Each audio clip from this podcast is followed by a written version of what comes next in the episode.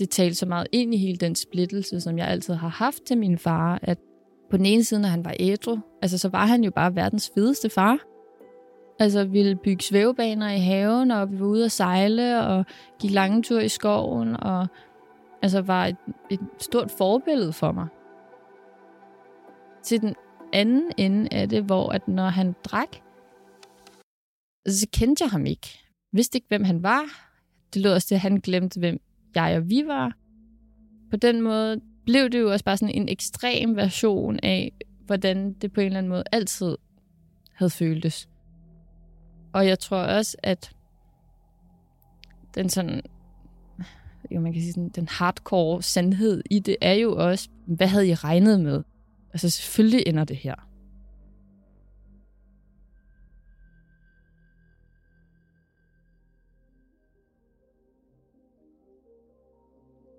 Jeg hedder Sofie Gevind, og jeg er forfatter til Små Sorte Bogstaver. En autobiografisk roman, jeg har skrevet om, hvordan det er at vokse op i et hjem med alkoholmisbrug og med psykisk sygdom. Jeg har selv brugt syv år på at skrive, og det tog nok så lang tid, fordi at der var så mange spørgsmål, der blev ved med at poppe op, hvor det største af de spørgsmål nok er, hvorfor vi egentlig ikke har talt om det før. Og hvorfor er det så svært at tale om de her ting, selv efter vi er blevet voksne? Med de relationer, vi møder i min bog, vil jeg her i virkeligheden forsøge at samle mig mod til at tage nogle af de samtaler, som har været svære, og som i den grad stadig kan være svære at åbne op og være i. Du lytter til Voksenbørn. Velkommen til.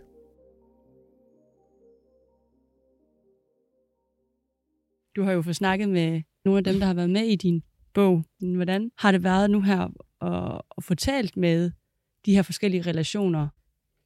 Jeg vil, altså først vil jeg sige, at alle tre samtaler har, har helt klart givet noget, og, og har også helt klart givet mig nyt perspektiv, og også mere mod, tror jeg.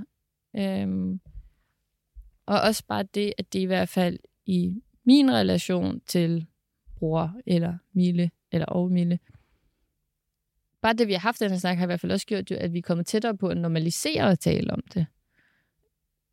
Hvilket jeg kan mærke helt vildt rart. Og så på den anden side det, tror jeg også, det er vigtigt at være sådan meget ærlig om, at det har, det har også været virkelig hårdt. Og hver gang vi har været i det her lydstudie og tale om de her ting, altså jeg er også gået herfra og føler mig helt vildt træt.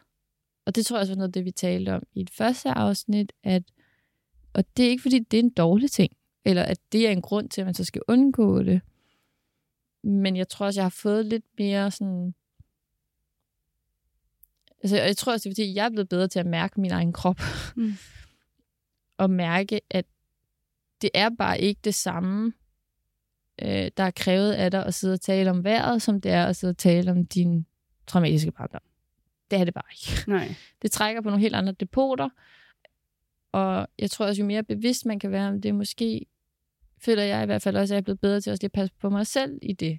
Fordi jeg kan i hvert fald mærke, at hvis jeg tænker på nu, at jeg for eksempel skulle tale med Mille om et eller andet, så tror jeg virkelig, at jeg vil tænke over at gøre det på et tidspunkt og et sted, hvor jeg også havde energien til det. Og hvor jeg måske ikke skal noget bagefter, men at hvor jeg så netop bare kan gå hjem bagefter og lige du ved, ligge mig under en dyne og restituere ovenpå det.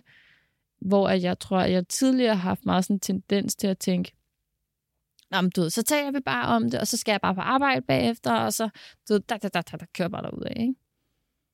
Ja, der tror jeg, nu har jeg fået mere respekt for det med, og det var jo også det, som Helene også sagde meget, ikke? at det er ikke nemme samtaler at være i, og det er der en rigtig god grund til.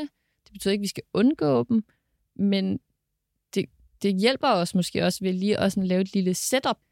Altså også noget af det, der vi har talt om med, der er jo heller ikke noget galt med at skrive en sms til ens veninde og forberede hende på, at man gerne vil tale om det. Altså sige, hey, næste gang vi ses, så kan jeg faktisk rigtig godt tænke mig, jeg vil lige tale om det og det. Fordi det gør det bare, det er bare allerede en kæmpe barriere så at komme over på en eller anden måde, ikke? Ja. Min far har været fuld hele weekenden. Der tror jeg, jeg har været sådan noget 11 år eller sådan noget. Og øh, om lørdagen, lørdag formiddag, der gik jeg til ridning. Og to timer senere, eller sådan noget, når jeg var færdig, så var det jo meningen, at han skulle komme og hente mig. Jeg tror, jeg sad på den der parkeringsplads i to timer eller sådan noget og ventede. Og jeg ringede jo selvfølgelig også 200 gange. Han tog den ikke. Og så da jeg sidder der i to timer eller sådan noget, så begynder jeg at gå. Og så går jeg hjem til min mormor og morfar, som, som heldigvis på det tidspunkt ikke boede særlig langt væk fra den der rideskole. Og de blev selvfølgelig meget overrasket også over at se en lille pige, der kommer gående i sit ridetøj med en ridehjelm dunkende mod knæene. Ikke? Og jeg fortæller dem jo bare sådan, faren kom ikke og hentede mig. Så lige pludselig, så kan jeg bare høre en bil, der kommer i indkørslen. Jeg kan godt høre selvfølgelig, at det, det er min far. Og min mor og morfar, de løber ud til døren og råber til ham, at han skal køre igen, hvilket bare gør ham endnu mere vred. Og jeg løber om på den anden side af huset, øh, fordi jeg kan ikke holde ud og høre på den der banken og råben frem og tilbage. Og så lige pludselig kan jeg bare høre, at der bliver stille. Når jeg kigger op, og så står min far lige pludselig lige foran mig. Åbner bare munden, og så vælter det bare ud af mig med sådan, hvor dumt tror du, jeg er? Sådan, jeg ved godt, at du drikker igen, og jeg ved godt, du er fuld, og jeg ved godt, at det er derfor, du ikke kom og hentede mig. Altså, tror du virkelig, at jeg ikke ser det, og tror du, at jeg ikke forstår noget, og jeg skal ikke se dig mere, og du skal skride langt væk? Og så kørte han. Altså efter den der periode, der tror jeg ikke, jeg så ham i et år eller sådan noget. De seneste fire afsnit, der har vi jo fortalt din historie i små bidder.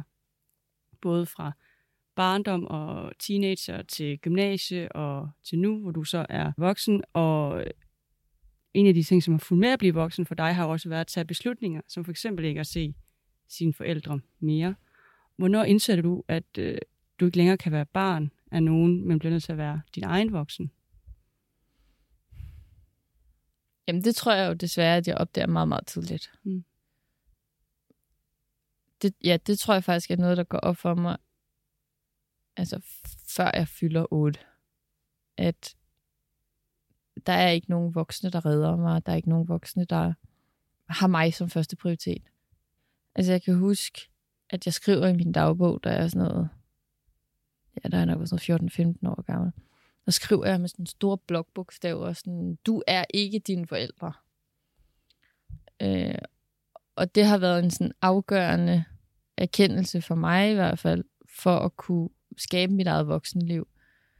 Fordi altså, hver gang jeg ser mig selv i spejlet, så kan jeg jo se både min mor og min far. Og jeg har delt efternavn med dem. Alle de der ting. Og derfor bliver det rigtig, det bliver rigtig svært at overbevise en selv, om man ikke er dem. Fordi biologisk set er du jo dem, og du kan se dem i dit ansigt. Sådan, at stå fast i det, og blive mere og mere sikker i, sådan, men jeg er ikke min forældres historie det, det er ikke givet, at jeg kommer til at gøre de samme ting som dem, eller at jeg også har et alkoholmisbrug, eller alle de der ting. Samtidig med, at det jo er en balance af også at erkende, hvad man kommer af, at, at jeg bliver jo nødt til at have en anden, eller det er i hvert fald også resultatet af det, at jeg har jo en anden opmærksomhed på, at okay, jeg ved godt, at psykisk sygdom, det løber stærkt i min familie, ikke? Så selvfølgelig er det noget, jeg også er mere opmærksom på over for mig selv. Nu ved jeg også, at altså for eksempel, øh hvad hedder sådan noget, um, afhængighed er jo også noget, man er mere eller mindre disponeret for, og meget tyder på, at hvis ens forældre øh, har misbrug, så er man også selv mere disponeret for at få det samme. Men det er jo ikke en sandhed. Altså, det er jo ikke en... Øh, når så bliver det sådan. Nej, sådan et stempel. Bare, ja, så nej. Nu er du. Og så kunne man lige så godt bare lægge, give op ja, ja. Og, og, og, og, og lægge sig ned, ikke? Og sådan har det helt klart også været i perioder, at jeg havde lyst til bare at give op, fordi jeg var sådan, men jeg kommer, hvad, hvad fanden skal alt det her dog blive til af gode ting? Så jeg tror, at den der sådan erkendelse om at gøre meget tydeligt over for mig selv, at jeg bestemmer, hvilken slags voksen jeg vil være. Og altså, man kan jo sige noget, det som jeg også Mille om, ikke? at for mig har det jo betydet også, at jeg er løbet i den dimensionalt modsatte retning altså, jeg kan jo godt se, at der er mange valg, jeg har taget i mit voksenliv, som, som vidderligt er det modsatte af, hvad mine forældre har gjort. Altså, hele mit, altså, den måde, jeg skriver på, de ting, jeg skriver om, det slags arbejde, jeg laver, handler jo i virkeligheden alt sammen om ærlighed. Og om at ture og sige det, som det er. Normalisere at være ærlig, om det er i vores private sammenhæng eller i vores arbejdsliv. Så er det alt, hvad jeg laver, drejer sig rundt om det. Det tror jeg, det, og, og jeg tror i virkeligheden, at det er det, som meget sorgen handler om. Og det er også det, som jeg synes, vi har talt med Mille om, ikke? at det der med at opdage, at altså sandheden og erkendelsen i, at det er bare mig, der skal der, der ligesom skal sørge for mig, fordi der er ikke nogen andre, der gør det, er øh, en vanvittig hård erkendelse. Det er juni, og jeg sidder oppe i klasselokalet sammen med mine klassekammerater. Det er mega varmt, så vi beslutter os for at gå i Netto og købe is. Da vi står nede i Netto i køen, først øje på øh, den her avisstander, som der er i supermarkedet op ved kassen. Og på forsiden af ekstrabladet kan jeg så se, at der er sådan en overskrift, ingeniør fængslet for lægedrab. Jeg kan ligesom godt genkende både billedet, og jeg ved jo også, at min far er ingeniør. Så jeg stiger ud af køen og går hen og åbner den der avis, og kan jo bare læse i de der beskrivelser, at det er ham.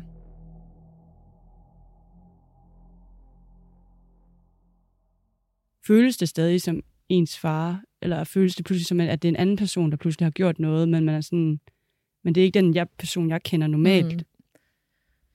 Både og. Altså på den ene side, så føltes det jo sådan meget fremmedgjort på en eller anden måde, fordi jeg har jo ikke været vant til at se min far eller nogle andre familiemedlemmer for den sags skyld på forsiden af Ekstrabladet eller BT. Så til at starte med føltes det meget langt væk, men jo tættere historierne jo også kom på, hvem er min far egentlig, fordi at man vil gerne give ham en forvaringsdom.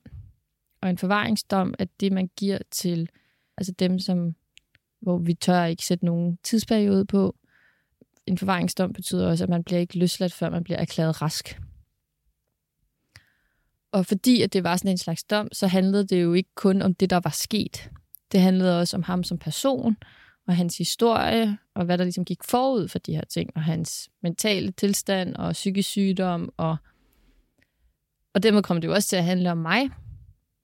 Og det var jo også derfor, at jeg blev indkaldt som vidne i retssagen, og politiet ville gerne stille mig nogle spørgsmål og sådan nogle ting. Så det var jo hele tiden sådan en, en følelse af overhovedet ikke at være involveret i det, ikke få noget information, at det netop bare var en eller anden karakter i en eller anden historie, til den anden side, hvor at man så bliver trukket helt ind i det, og lige pludselig, at jeg følte, at jeg havde et medansvar i det, fordi at jeg blev stillet spørgsmål, og jeg skulle komme op til retten i Helsingør og fortælle om det, og det var også derfor, det var umuligt at, at have et ståsted i det, fordi det er jo bare eskaleret, eskaleret, eskaleret over 20 år, uden at der ligesom er sket noget radikalt anderledes. Så selvfølgelig måtte det ligesom på et eller andet tidspunkt eksplodere. Jeg havde selvfølgelig håbet på, at det ville være på en anden måde, det er klart. Det, det er jo måske den værste måde, det overhovedet kunne eksplodere på. Ikke? Mm. Det der med, at du siger, sådan, men det er jo to personer i mm. en. Kan du for eksempel sådan have sådan, hvor du slår dig selv i hovedet over, at jeg savner ham, fordi at han var jo også min far, Mm. Men han er jo også en anden, kan man sige. Ja, øh, ja jeg tror, at altså, den splittelse imellem, altså må jeg overhovedet savne ham, blev også rodet op, og har altid været der. Man har jo en kærlighed til sine forældre, som nærmest er indbygget i ens DNA. Og det er jo, det er jo lige præcis det, der gør det så helt utroligt svært at også sige fra over for dem og finde ud af, at når det, du gør der, er ikke et tegn på kærlighed, eller på, at du passer på mig. Og jeg tror, det er rigtig svært, fordi det også, i det ligger der også en erkendelse af, at mine forældre er ikke forældre for mig. En ny undersøgelse, som organisationen Alkohol og Samfund har lavet i samarbejde med Voxmeter, viser, at 16 procent af de voksne danskere i undersøgelsen har oplevet at miste kontakt med en af deres nærmeste familie eller omgangskreds som følge af alkohol. Enten på grund af eget forbrug eller på grund af en andens. Undersøgelsen er repræsentativ for den danske befolkning fra 18 år og op efter, og der er indsamlet data fra i alt 1000 respondenter. Selvom du så ikke har dine forældre i dit liv mere, så formår du alligevel at få skabt et eller andet bagland af mm. venner, som er der for dig. Mm. Ja, altså, og det er jo også noget, der er kommet af i mange år, at gå rundt og have sådan en erkendelse af, sådan, nu må jeg bare klare alting selv, og jeg skal bare være alene, og jeg må bare, du ved, stærke Sofie, der bare kan klare alting selv. Ikke? Og det er jo også den fortælling, jeg er vokset op med. Så det er også først noget, der er sket over de sidste par år. Altså, det har faktisk været noget af det hårdeste at erkende, at jeg har også brug for hjælp. Altså, jeg har også brug for sikkerhedsnet. Altså, og det kan lyde måske for nogen, som ikke så godt kan relatere til det nærmest morbidt, men det der med virkelig at gå og tænke over, sådan, hvis jeg dør i morgen, hvem skal så egentlig håndtere min lejlighed? Hvem skal afholde min begravelse? Hvem skal arve mine ting? At så bliver det også meget svært at kommunikere det til nogen, som ikke selv ved, hvordan det er. Det paradoxale er jo så, at jo mere jeg begyndte at tale om det, jo mere begyndte jeg jo også at have venner, som, som sagde til mig, jeg vil gerne være det for dig. Du kan godt regne med mig. Og det kan jo godt være, at de i virkeligheden hele tiden har haft det sådan, men det var ikke blevet sagt højt, så jeg havde ikke måske ture tro på, at det var rigtigt. Det giver øh, sindssygt meget ro. Undersøgelsen for alkohol og samfund, og som er lavet i samarbejde med Voxmeter, viser også, at næsten hver anden er enig i, at det kan være svært at tale om alkoholproblemer i den nærmeste familie eller omgangskreds. Første gang vi mødes, der siger du til mig, at sådan, journalister vil tit have, at man slutter på en god note. Yeah. og er sådan, er du så blevet gladere? Er du blevet mm. et bedre sted? Og der siger du så til mig, at det altid været en Serena Williams historie, og, mm. og alt det. Og så siger du til mig, at men jeg er jo et andet sted. Og jeg synes bare, det var så fin en måde at, at beskrive, at ikke alle af de her mega lykkelige historier, der sådan sker. Og, og der vil jeg bare sådan høre, hvordan den her rejse har været til det her andet sted.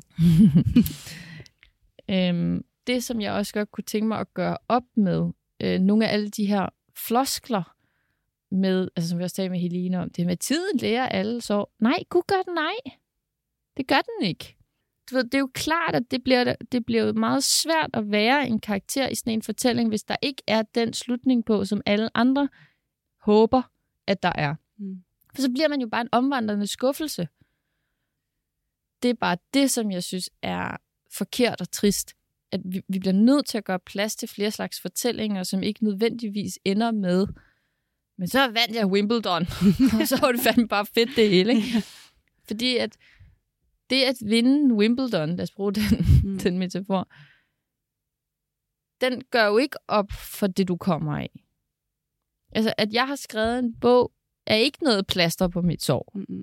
Det, at vi sidder og laver den her podcast nu, er ikke noget plaster på mit sår men det er med til forhåbentlig at normalisere, at du gerne må gå rundt og være et åbent sår. Det må du gerne. Det er ikke din skyld. Men hvis du nu skulle fortælle lidt om, hvad er det for et sted, du er nu?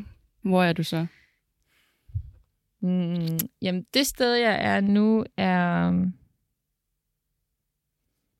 Mm, det er et meget ærligt sted, føler jeg. Og samtidig med, at ting bliver mere ærlige, så bliver det også mere sårbart. Øh, så jeg kan også helt klart mærke, at med årene, jo mere jeg er gået ind i den her snak, og jo mere jeg ærligt fortæller, jo større en pris er det også at betale. Og det er også derfor, det er vigtigt for mig at sige, jeg har ikke lyst til at sugarcoate, eller sådan, øh, gøre det til noget, det ikke er, fordi det er mega hårdt. Som jeg også har fortalt i et af de andre afsnit, at nogle gange rammer det mig stadig bare som et tog i hovedet, altså, og, og så må jeg bare tage en uge, hvor at jeg mest bare græder og ligger ned og sådan stille, fordi mm. det er simpelthen for meget. Det er simpelthen for overvældende. Det der med, når sådan, ja, de der sandheder lige rammer en. Ikke? Sådan, Nå, gud ja, det, det er lige sådan, det er. Ikke? Ja. Men, men jeg vil også helt klart sige, at det er på en måde er det meget nyt, og på en måde føles det meget som om, at jeg har let efter det her sted hele mit liv. Hvilket gør det både meget skræmmende og, og virkelig dejligt på samme tid, fordi igen, det der når man hele tiden leder efter katastrofer, altså hver gang jeg har haft det godt med noget, så den anden side af mønten, det er altså ekstrem frygt og angst for, hvornår indtræder den næste katastrofe. Så det er altid den pris, som jeg i hvert fald kan mærke, at jeg altid betaler for, når noget går godt, så er det hele borget af sådan en enorm ængstelighed. Altså, ja, frygt for, hvornår vælter det hele igen. Mm. Og det er jo sådan noget, det jeg øver mig på, at prøve at tænke lidt mindre sådan. Men som vi også har talt om, der er ikke nogen af de her ting, man aflærer sig selv, måske nogensinde, og i hvert fald slet ikke fra den ene dag til den anden. Så jeg prøver også at blive mere og mere okay med, at det er en omstændighed i mit liv. Og det er lidt det samme med det der med at finde fællesskab i det, altså finde andre, som har oplevet det samme, er både en glæde og en sorg på samme tid. Fordi mm. det er virkelig rart at møde andre, som har samme blik og som forstår det. Og nye variationer af det, som er hårde og triste. Mm. Og det er jo også noget, jeg tager med ned i min, i min rygsæk og bærer rundt på. Ikke? Mm.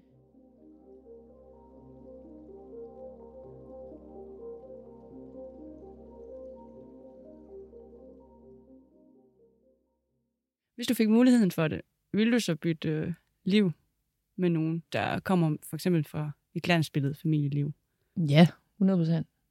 Det vil jeg.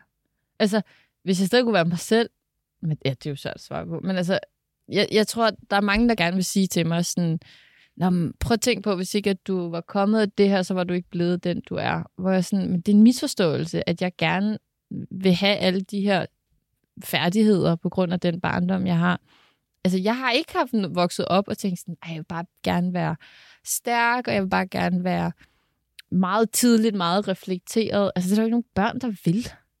Altså, jeg ved ikke engang, hvordan det er at være et ubekymret barn, men det gad jeg da virkelig godt have prøvet, fordi det lyder som om, at det er ret sjovt og vigtigt for et sundt, godt forhold til sig selv og omverdenen. Så ja, altså hvis, hvis kunne give mig en eller anden maskine, hvor du hvis du går ind i den der, så er du stadig dig selv, men du får lov til at være barn af nogle forældre, som ikke er psykisk syge, og som ikke har et misbrug. Vil du det? Ja. Lige nu. altså, lad os, lad os tage afsted. Ja. Selvfølgelig vil jeg det. Ja. Og øh, på den note, skal vi ikke have den sidste oplæsning? Jo. det skal vi. Hvor var det nu? Var det, vi enige om, det var noget her til sidst? Sidetallet på mit dokument er over 200 nu. Jeg vil ønske, jeg kunne gøre det anderledes, men det føles som en ustoppelig flod i mig. Bogen, eller hvad det er, jeg sidder og taster på, skal ud. Ikke for litteraturen eller boghyldernes skyld, men for børn, der bor i sorte huller. Måske den kan få dem til at føle sig bare lidt mindre alene. Bare en millimeter. Jeg printer og lægger i en konvolut. Jeg ved ikke, om det er sådan, man gør, men jeg afleverer de printede sider i en reception hos et forlag. Og her sidder vi der. Her sidder vi så. En bog og en podcast senere. En bog og en podcast senere. Sådan. Det har været mega fedt at få lov til at lave podcast med dig. Ja, i lige måde. Du har gjort det til en meget behagelig oplevelse. ja, tusind tak. Tusind tak. Ja. Til at producere denne podcast har vi fået fantastisk hjælp fra Rikke Juan Klemsen til at hjælpe mig med at både tilrettelægge, klippe og stille en hel masse spørgsmål. Vi skal sige tak til Fergus Jones for at give os det fantastisk smukke musik, der har ligget under os hele vejen. Jeg hedder Sofie Gevind, og du har lyttet til Voksne Børn.